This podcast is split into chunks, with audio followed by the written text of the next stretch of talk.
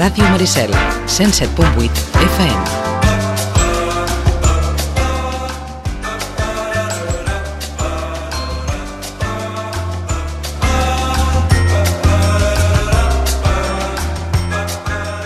I és que els alumnes eh, del segon curs del grau superior de Direcció de Cuina i Serveis de Restauració de l'Escola d'Hostaleria Joan Ramon Benaprés eh, conclouran aquest curs el proper 20 de maig amb un, amb un sopar, un sopar mm, obert, tot i que hi ha molt poques places, eh? o sigui que ja, ja podran córrer quan, quan s'obrin si, si volen poder-hi accedir, però una, una activitat que, que porten ja setmanes treballant i que han d'acabar eh, treballant amb ells, amb un, amb tres d'ells, eh, parlarem als, eh, als propers minuts. Han vingut acompanyats per, el, eh, per un dels professors del, del centre, en David Martínez. David, bon dia. Bon dia, què tal?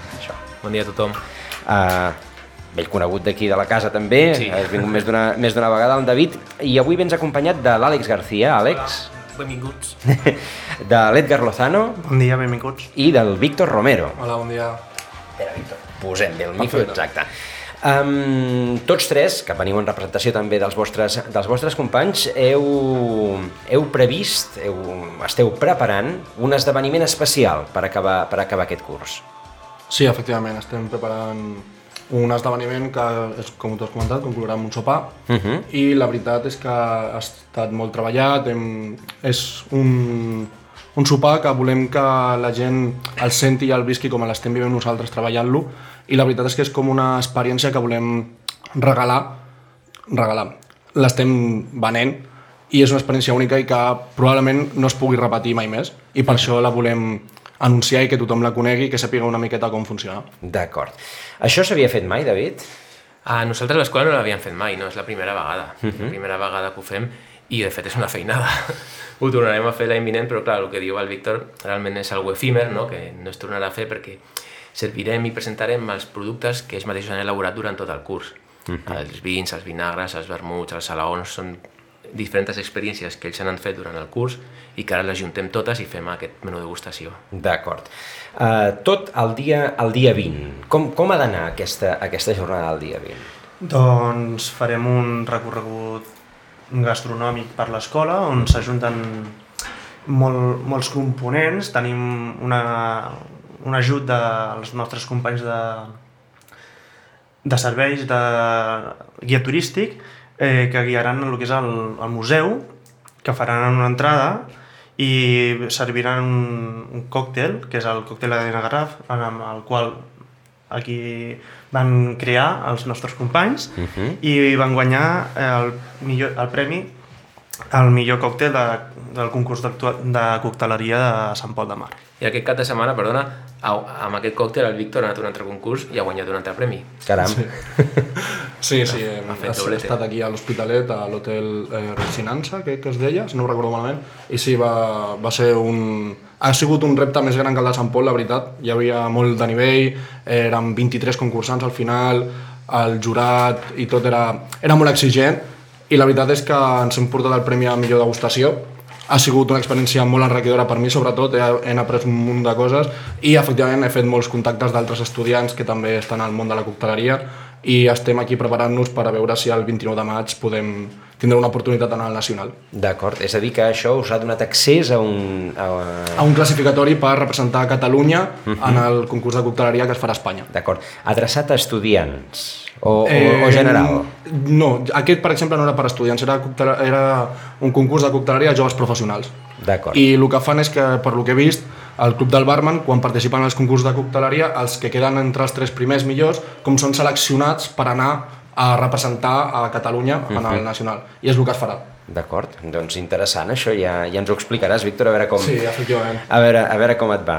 L'Edgar ens estava explicant eh, com, ha, com ha de funcionar. Està, està amb el còctel. Sí, o sigui, el còctel serà la primera entrada, que serà al museu, uh -huh. on podran veure també un tour turístic i del pas del temps que hem tingut a, aquí al, a Sitges.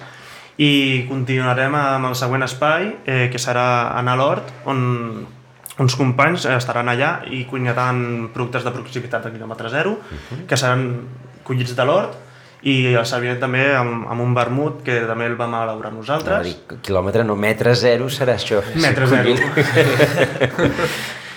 I seguidament, quan eh, sortim de l'hort, eh, anirem al, al celler, a la nostra petita bodega que hem creat aquest any, que és exclusiva, i també podran degustar uns dels plats que els donarem allà nosaltres mateixos davant de, dels clients i podran tastar el nostre vi que vam començar amb la barema d'aquest any i l'hem posat molt de carinyo, eh, hem estat elaborant i... Heu elaborat vosaltres el Sí, vi?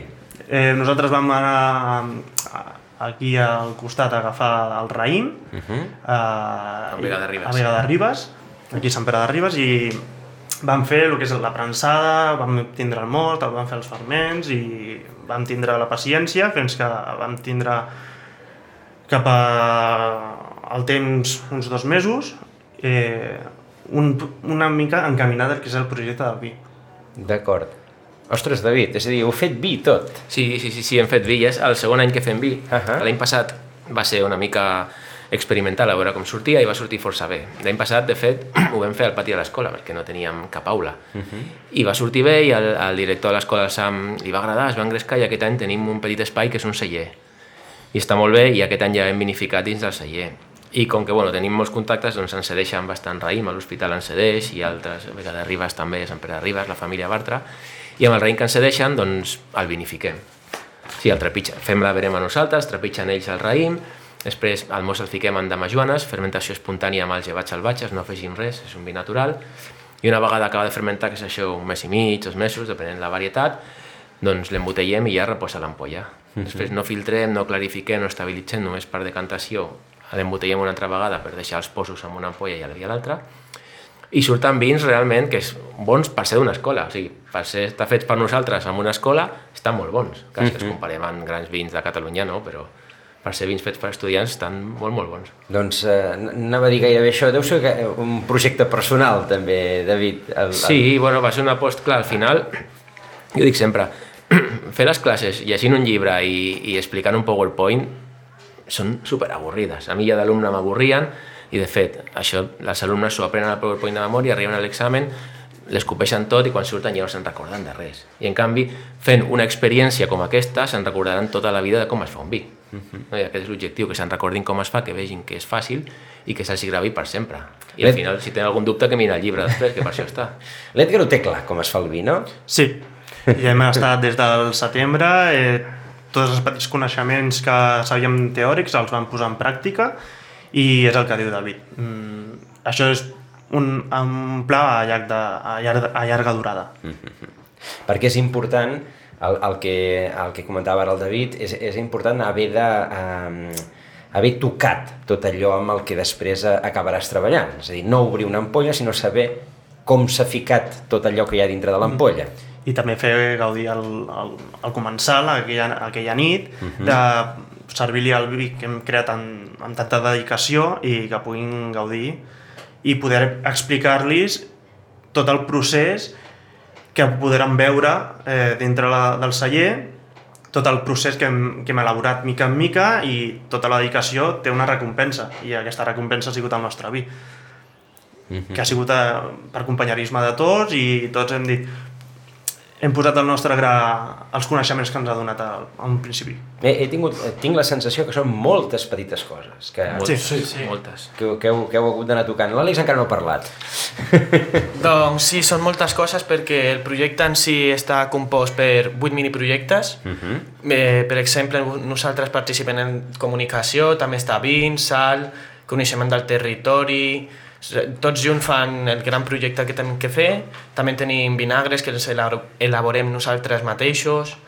Llavors tot això fa que l'experiència sigui única, com ha dit el meu company Víctor, i no es pugui repetir perquè, per exemple, si l'any que ve el fan una altra vegada, no serà el mateix perquè seran, seran distints eh, eh, aliments, Sí, vins, productes, tots tot. els productes seran diferents, llavors no et pot repetir i això fa que sigui repetible. Uh, però té, té, té aquesta gràcia de que mm, no és només la cuina, sinó també és la matèria primera que vesteix la cuina, la que treballeu. Sí, efectivament, o sigui, ja no és només el, la mà d'obra que seríem nosaltres, els, els alumnes, que tot això també ho estem documentant i estem fent uns projectes perquè el coneixement està molt bé, però el que persevera al final de tot és que tu puguis documentar i jo, per exemple, dintre de 20 anys, a lo millor agafo la meva llibreta o el meu document i dic, hòstia, el projecte que vaig fer... I són uns coneixements que no tenen un preu, o sigui, no, no es pots valorar perquè són invaluables, perquè és una experiència que no ha tingut tothom. Jo he parlat amb, amb gent d'altres escoles i no han arribat a fer això i jo s'ho dic i es queden fent pampallugues de quina passada, o sigui, ho vull fer.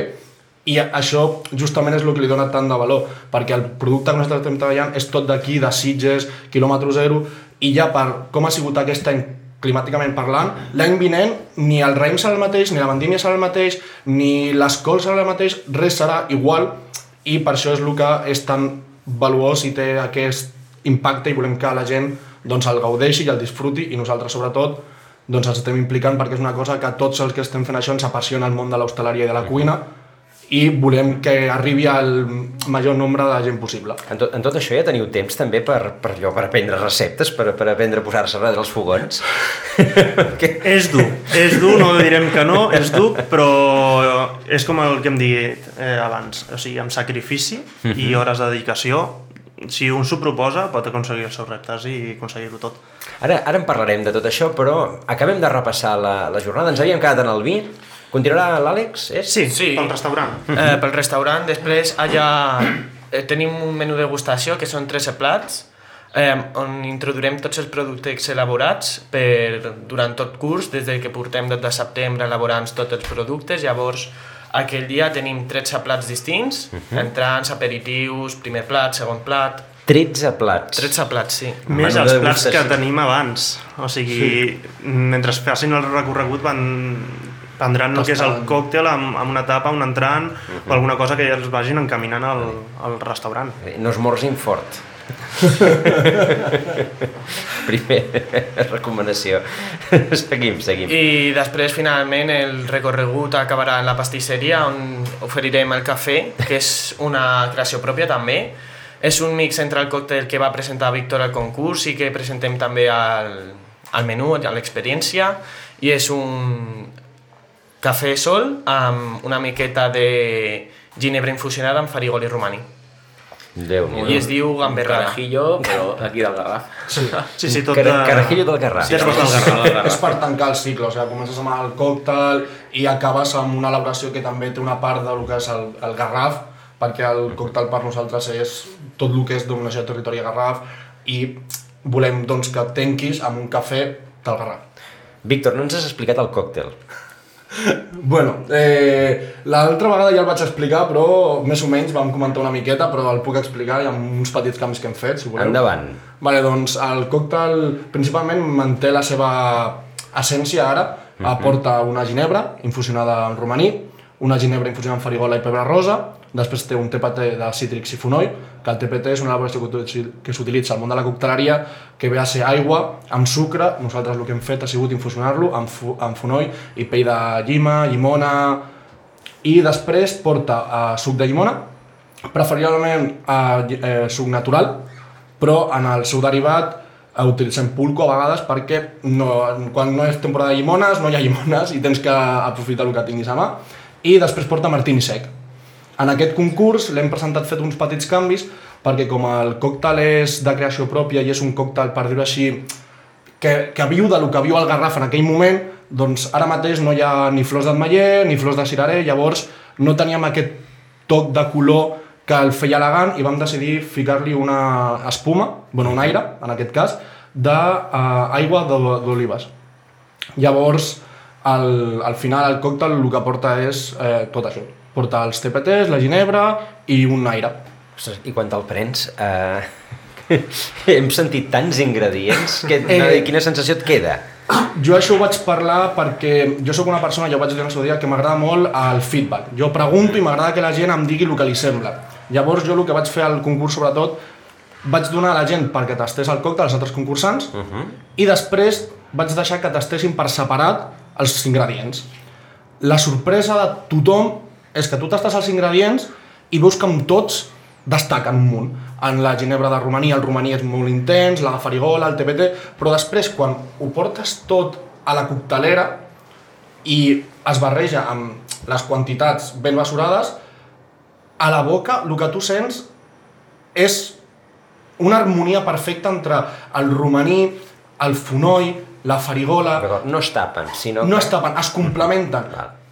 Per dir una forma, no és que tinguis una lluita interna a la teva boca de veure quin gust predomina més, sinó que primer notes, el que seria, eh, el primer que notes és ol- olfactivament, és molt intens olfactivament, tant el romaní com ja quan li van ficar l'aire d'aigua d'olives, ja tu quan l'olores ja et ve aquest, aquesta oloreta d'oliva i ja quan te'l prens notes primer una miqueta la farigola, el fonoll una miqueta i després et ve tot el romaní i és perfectament combinat, o sigui, no, no destaca res ni res es baralla amb un altre gust per veure qui predomina, és molt ben balancejat. I la veritat és que uh, em, per mi és el que he dit sempre, em sento molt orgullós d'aquest còctel i el considero que és de tota la classe perquè tots hem participat fent pràctiques, fent proves i el David, que va ser el qui va agafar i va dir vosaltres a treballar el còctel a veure què em podeu fer.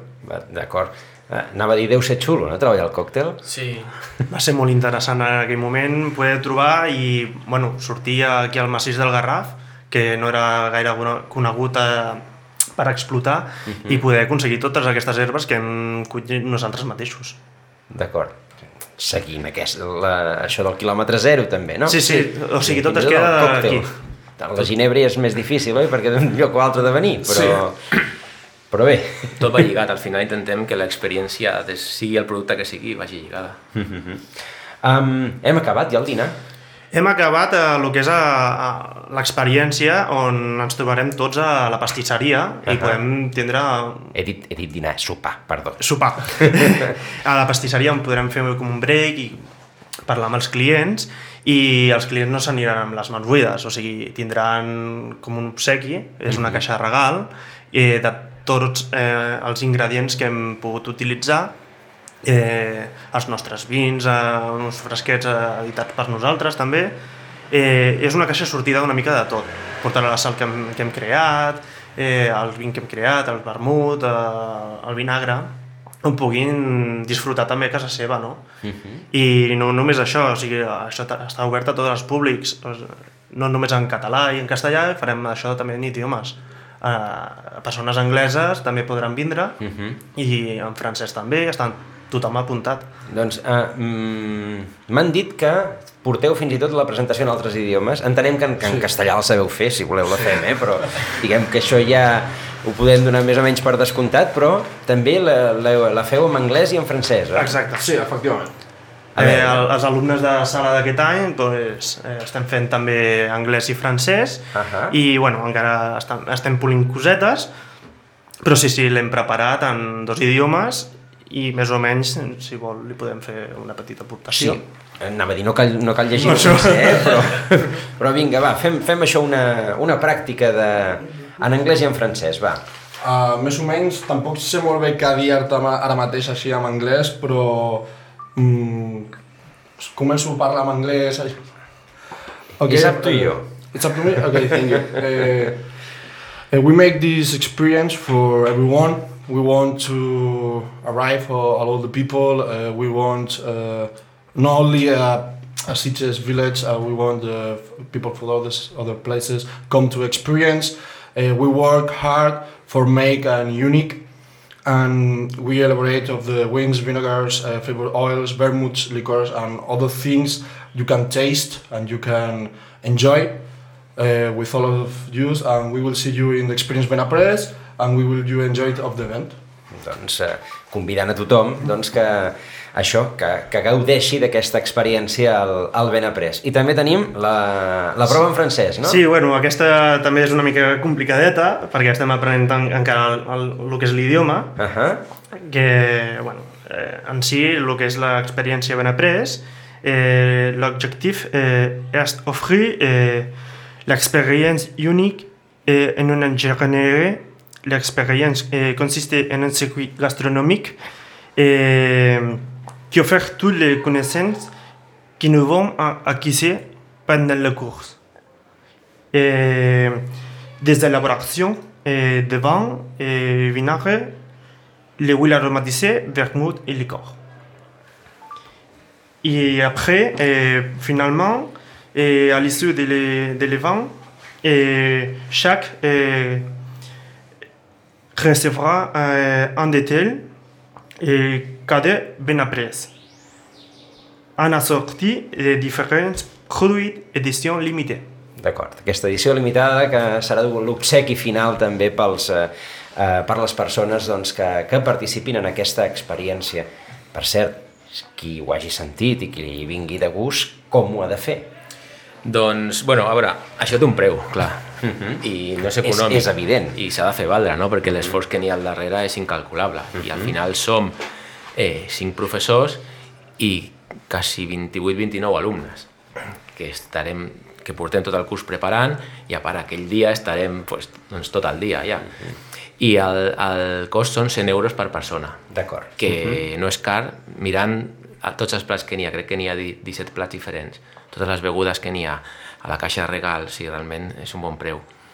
Com s'ha de fer per reservar? Doncs el mateix canal que fem per les reserves del restaurant de l'escola, que és per WhatsApp, WhatsApp al, al telèfon de reserves de la Sitja, durant aquesta setmana enviarem el missatge de difusió de l'experiència i a partir d'aquí la gent ja podrà reservar. D'acord. Només queden 16 places, perquè n'hi ha 50, però 30 i pico ja estan reservades pels pares dels alumnes, no? que són els primers interessats en venir, i aquestes 16 les posarem a la venda aquesta setmana. I a partir d'aquí, pel WhatsApp de reserves del restaurant, tothom que, que vulgui pot reservar. D'acord. Per cert que, la, que, que el restaurant mm, teniu bastant full, no? Sempre... Sí. Ara ja està ple fins al curs vinent, ja no, no hi ha taules lliures. No, no hi ha taules, no hi ha. és a dir, la, la, la cosa funciona, l'experiència... Funciona molt Quan bé. algú ve, repeteix. Sí, sí, sí. sí. Sí.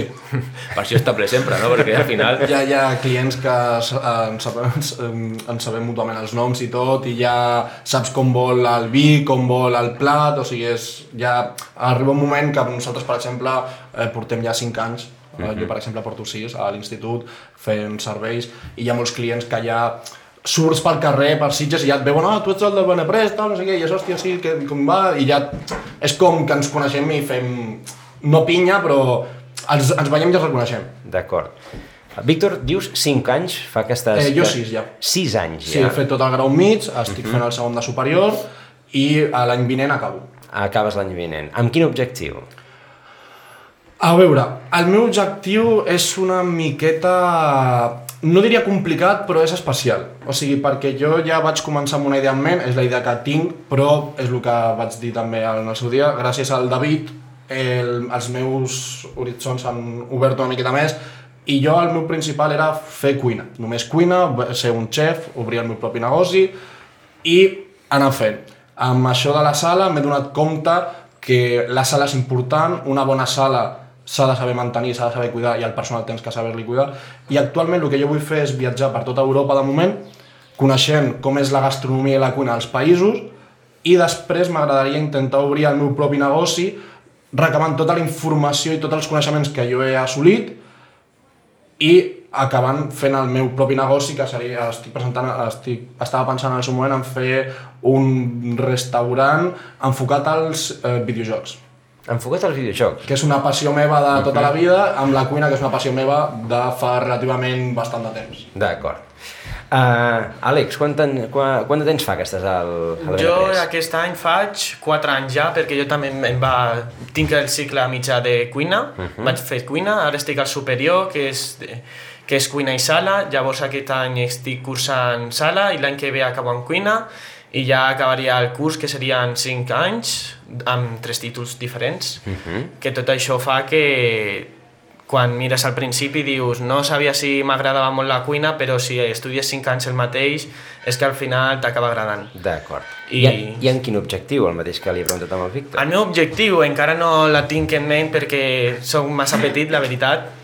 Llavors tinc tota la vida per endavant, llavors ara mateix eh, sacar-me el curs, eh, treballar restaura restaurants amb estrella Michelin per agafar experiència, viatjar per al món, tinc, tenir més experiència i llavors ja una vegada que jo cregui que tinc tot el necessari per obrir un, res per obrir un restaurant, eh, la meva idea és obrir un restaurant amb, no sé, en aquell moment en el que vulgui, si un restaurant d'estrella per a estrella Michelin, adaptat a videojocs perquè ja a mi també m'agrada molt. Mm. De fet, eh, el Víctor és la persona que més jugo i Llavors, una fusió podem fer. podeu fer socis. es pot mirar, es pot mirar. Edgar, ja saps la pregunta. Sí, eh, doncs bueno, quan, jo porto... Quant, quant de temps? 4 anys porto també, vaig començar justament al 2018, quan ho va fer Àlex, també.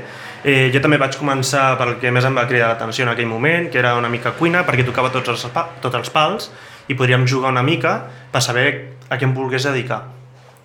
I mica en mica, conforme van passar els anys, eh, jo crec... Ara ho tinc una mica més dispers perquè s- omple tant de coneixements que és una mica complicat. Uh -huh. eh, també vaig fer un Erasmus, o sigui, vaig sortir a Toulouse i vam conèixer cuinar i gastronomia d'un altre lloc, que no és comú per aquí del, del Garraf, i em va cridar molt l'atenció. Llavors, eh, ara mateix tinc tres possibilitats que m'agradaria agafar. Eh, una seria crear el meu propi negoci, enfocat també una mica més a, a la sala. A mi m'agradaria estar com més al contacte al client, eh, poder oferir, oferir vins i tot això. M'agradaria ser un, com un cambrer una mica sommelier. Eh, L'altra possibilitat que també he estat barallant i m'agradaria bastant seria com a directiu de food and beverage, d'encarregar-me tot aqu- d'aquest procés, de, de sortir una mica a, a lo que és Europa. Com també m'agraden els idiomes, doncs poder explotar aquest, aquest sentit i fer una passió que és cuinar i, i, sala. I l'altra, que és la més factible, que no l'estic més posat, és eh, com a professor de, de cuina i de sala, perquè hi ha persones qualificades i m'agradaria continuar, perquè com sóc el més gran de, de tots ells, eh, no tinc un recorregut massa d'estudiar. Llavors m'agradaria posar-me ja eh, el que és a treballar i a, és el que trobo més factible, fer el, el que és estudiar per professor i poder ensenyar, perquè a mi m'agrada ensenyar i fer gaudir a les persones del que jo faig. I aquesta és una gran possibilitat d'explotar. Què és el que us va portar eh, fa 4 o 6 anys, en el cas del Víctor, a, a començar aquests estudis? Uf, a començar la cuina, a veure, uh, jo sempre eh, m'ha agradat molt cuinar, he cuinat molt, a casa meva a vegades, per tema horaris ara no tant, però eh, ma mare em demana que si li puc ajudar a la cuina, mon pare, i a la iaia, això sempre, el iaia t'ajudo, sempre ha estat, i jo sempre a la cuina veia la meva àvia treballant, veia, eh, la meva àvia cuinava, la cuina de l'àvia era impressionant, i va ser el primer contacte que vaig tindre. Sí que és veritat que vaig començar a estudiar, vaig, fer, vaig intentar fer batxi- batxillerat, però un company de classe, el Javier en aquest cas, va acabar l'ESO i es va, es va anar per cuina. I em va començar a cridar l'atenció i vaig dir, sempre he estat molt a la cuina, per què no? Vaig investigar una miqueta sobre la cuina i sempre m'havia donat compte que a l'hora de cuinar o quan jo feia un plat o l'elaborava i la gent el tastava, es veia feliç. I vaig dir, hòstia, si puc fer la gent feliç cuinant-la i jo estic feliç perquè estic fent algú feliç, per què no ho puc fer a més gran escala? I llavors vaig dir, doncs per fer això necessito uns coneixements. Vaig anar amb el Javi, oye Javi, tu on estàs estudiant? No, aquí a Sitges. Em vaig. Vaig entrar un any més tard que ell, però eh, he estat estudiant i és el que m'ha portat. O sigui, el, el que a mi és una cosa que em fa feliç i puc fer feliç als altres i no em costa res. D'acord. Perquè d'on sou? Eh, jo de Cunit. De Cunit, Del costat de Vilafranca, els- Santa Margarida dels Monjos. Santa Margarida dels Monjos Segur de Calafell. i de Segur de Calafell. És a dir, diguem que a la comarca, el Penedès, posem, Sí, sí, sí. posem per què és. Eh? Um, I a vosaltres dos, per què, què us va cridar l'atenció? Bueno, jo sincerament, eh, com he dit abans, jo era el més adult i llavors jo vaig acabar els meus estudis d'informàtica eh, l'any 2010 i vaig veure que en si no m'acabava de convèncer d'estar assegut i estar això, soc una mica inquiet. I llavors mm, em vaig posar a treballar. Em vaig posar a treballar i quan se'm tancaven moltes, moltes portes perquè em quedava una assignatura pendent. I llavors em vaig replantejar la meva vida una altra vegada i vaig dir, què puc fer? De tots els treballs que he tingut, quin és el que més m'ha agradat i més he disfrutat i més he godit? Pues, vaig mm, estar com a cambrer i aquest va ser eh, el meu, la meva explotació, que va ser de cambrer una mica a cuina i volia explotar aquest sentit, ja que estava de cara al públic i tenia aquest bon rotllo, doncs volia explotar aquesta, aquesta cara. I llavors em vaig ficar aquí i bueno, he descobert un món que mm, la veritat és el que em vull dedicar en un futur, Mhm. perquè jo vull fer gaudir a la gent i què, me- què millor manera, saber cuina i sala. Àlex, El meu és una miqueta més senzill, la veritat. Jo, quan vaig acabar a ESO, eh, m'agradava la cuina i els esports, però l'esport jo sabia que no era massa factible. Llavors, a mi m'agrada molt menjar. Jo menjar, sobretot els postres, la carn, tot això, a mi m'agrada molt. Llavors era una cosa que em cridava l'atenció i vaig, mm, vaig buscar on podia estudiar cuina perquè a la meva casa jo no cuino massa, però ajuda a la mama, a la- a l'àvia, uh -huh. al meu pare, al meu germà també le cuino perquè és una miqueta més mandrós, mandrós. més mandrós. Ho he entès. I llavors vaig dir, què puc fer? I vaig eh, escollir fer cuina aquí a Sitges i ja està, no va ter molta cosa més. Era el que més m'agradava en aquell moment i vaig decidir fer-ho. David, el, el perfil de la gent que teniu a l'escola és aquest, no? Sí, més aquest, sí, sí. Gent que, Totalment. que bé, que, que pel que sigui dius, ostres, a mi no m'agrada estudiar tant, a mi no sé què, i, i sé, a mi em crida l'atenció això. I a més Sí. a més és un moment també, eh, venim d'uns anys de boom també en el, del món de la gastronomia, I, I- sobretot, a, a grau superior, jo sóc el tutor de, de segon de grau superior. Uh -huh. Els que venen a grau superior i a la immensa majoria han fet grau mitjà. I la immensa majoria han fet cuina a grau mitjà. Llavors, a grau superior fent l'opció de 3 per 2. O sigui, estàs 3 anys i et donem els dos títols, direcció de serveis i direcció de cuina. I molts comencen no, perquè volen fer la direcció de cuina, però al final, com ells, no s'engresquen també amb la sala i amb la cocteleria i amb les elaboracions i tal, i fan els 3 anys i tenen dos títols, i després es replanteen no, si fer cuina, si fer serveis, si fusionar-ho tot, que és lo maco, no? que encara que hagin fet grau mitjà de cuina, sí, a superior si, si podem donar una volta i replantejar moltes coses. com més pals toquin, millor. Exacte, exacte, això està clar. Sí, sí.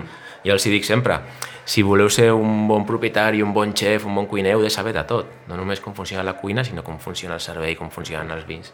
No, a de més, fet, de fet per, això, millor. per això els ensenyeu fins i tot a fer el vi. Clar, exacte. Eh? No servir-lo i, a, i, a, i, a, i a valorar-lo i a avaluar-lo, mm. sinó també fins i tot a fer-lo, que això dona més eh, eh, elements per, per, per després doncs, saber-lo valorar i saber-lo explicar. Sí, al final tot són experiències. No? I, I a més experiències molt millor. Ara, abans m'has dit que, que ara mateix no, ja, no hi ha, ja no hi ha cadires per, pel restaurant, eh? per la sitja fins, fins l'any que ve. Uh, D'inscripcions d'alumnes també la cosa deu anar, deu anar justa, no? Inscripcions, de- aquí tenim un problema. A veure. Amb els graus mitjans, sobretot, grau mitjà de serveis, que és que els joves no poden estudiar a sala. Ah, A superior ja sí, perquè fem això del 3x2 i bueno, ja anem fent, però a grau mitjà costa que els joves s'apuntin a sala. A cuina no n'hi ha problema perquè tenim el Masterchef, el David Muñoz, el Jordi Cruz, tots aquests, i tothom vol ser cuiner. Ara. D'acord. Però Afec- cambrers no volen afecta ser. tele? Sí, clar. Afecta tele. La tele, xarxes socials també. Sí, sí. Que bo. Tothom vol ser cuiner. I a cuina n'hi ha, crec que tres línies, tres cursos diferents. Mhm. Però a sala no n'hi ha, n'hi ha un i... A sala, jo, jo per què he d'estudiar per ser cambrer, no? Sí, sí, exacte. A més, tan joves encara no, no, no saben el que volen fer. Mhm. I després, quan porten dos anys a l'escola, doncs ja molts s'ho replantegen i... que el perfil també és el que eh, ens han Exacte. explicat ells tres. A mesura que va, mm, van a, a estudiant i estan a dintre i entren en aquest món, descobreixen més coses que, que els criden l'atenció i, i, i que aleshores els fan fins i tot dubtar de dir, ostres, la meva idea original era una i ara... També, des del meu punt de vista, eh, crec que és quan es trenca un dels mits o coses que es diuen de, que això ha passat molt aquí, sobretot a Catalunya, jo és molt a la costa, a la costa que és que qualsevol pot, fer, pot ser cambrer. Que això ha passat molt durant molts anys, des del meu punt de vista, cambrer s'ha estat infravalorant un munt, jo tinc coneguts, amics, que són enginyers, arquitectes, etc, però sempre han treballat de cambrer perquè a la costa, a l'estiu, per, fer calés, cambrer. Ja està. Què passa? Sí que és veritat que molta gent, molta gent que té restaurants, i des del meu punt de vista alguns els saben portar, altres no, han, el que han fet és, com qualsevol pot ser cambrer, doncs t'exploto, tu vens, fas de cambrer, et portes diners i ja està. Sí que és veritat que a l'altra gastronomia la cosa canvia molt. No és el mateix ser un cambrer de bar Paco que ser un cambrer de uh, Sòria, Sarte, eh, Fonda, etc etc etc, tots els restaurants que hi ha estrella Michelin, perquè sí que és veritat que el client canvia, el tracte amb el client cambrer canvia, empresa, treballador canvia, I això és una cosa que potser sí que es tindria que replantar una mica tot el món de l'hostaleria de com, voler, com es vol que això continuï perquè jo, el, la, la feina cambrer, m'agrada molt tractar amb el client, parlar, explicar el que sigui, però s'infravalora molt. O sigui, hi ha coses que s'estan fent per costum, que no es tindrien que fer, no s'haurien de fer, i considero que això és el que afecta molt, sobretot als joves, a no inscriure-se a, a sala, perquè tu veus i dius, cambrer, cambrer pot ser qualsevol, per què, tengo que per què tinc que estudiar jo per ser cambrer? Me'n vaig a cuina que el Jordi Cruz ho està patant a la tele. Uh -huh. Dóna la sensació que la, que la cuina és una cosa més completa i, Sí. i s'infravalora la sala, com comentava el David, no? Sí. Això és el meu punt de vista, també dic. O sigui. Sí, bueno, i el que és això, jo he estat i ja, ja, no, ja sortint de restaurants grans com els Michelin i això, els restaurants petits estan també molt infravalorats, o sigui, jo estic ara en un restaurant normal on volem fer les coses molt bé, però el problema que tenim és que la gent quan surt no surt preparada. Et diuen, "Mm, fes-me això i tampoc saben com fer-ho. Llavors, el que volem dir, eh, o sigui, que està molt bé el que diu Víctor, que és veritat, que tothom pot ser cambrer, però si tu vols tindre un bon tracte, un- una bona, una bona feina i això, tu t'has de fer créixer. I que millor manera, per exemple, nosaltres que vam decidir vindre al Benaprés, ja que ens oferia aquesta possibilitat d'explotar-la. O sigui, ara estan demanant molta gent qualificada i que millor manera d'explotar aquest, aquest sentit. Ah, no em direu que no, però eh, esteu contents de la decisió presa de, de, de venir al Benaprés a estudiar? Sí, sí. Sí. No, no, no ja sé. va, jo vaig barallar diferents. És evident, eh? Dir ara. Jo vaig no, no, barallar però se'ls veu diferents, convençut, David. Eh? Sí, sí. Jo vaig barallar diferents opcions perquè jo sí que disposo de cotxe i em podia moure per diferents localitats uh -huh. i vaig veure, per exemple, Barcelona, que hi havia bastants i tot això, i ja no, no és perquè em quedés ben a prop, sinó perquè molta gent que ha estat aquí al Benaprés eh, l'ha donat a créixer, el que és el ben après, que s'estudia, del que s'es- el que es fa, i si tu vols això, i eh, els grans professionals, i dius tu, jo puc, també puc arribar. O sigui, no has d'estar en una escola magnífica i això, és, és aprendre, i tu les ganes que li posis. Uh -huh. Llavors, aquí ens donen la possibilitat, els professors, eh, és millor que ningú, t'ho podran dir. Uh, treballeu? Sí, Sí. Sí? Sí? Ara estem, estem, o sigui, estem fent pràctiques, però sí, hem, jo he treballat i he estudiat a la vegada. Jo estic acabant les pràctiques. També. Sí. És a dir, que en el fons eh, Sí. és essencial que, que treballin quan estudien. t'obre portes també, eh? Sí. Sí. Bueno, les pràctiques les han de fer a segon, tothom ha de fer les seves pràctiques, però clar, ells ja són adults i molts estan independitzats a punt d'independitzar-se i han de treballar i estudiar a la vegada. Doncs, uh, nois, són les, són les 12. Moltes gràcies per aquesta, per aquesta estoneta.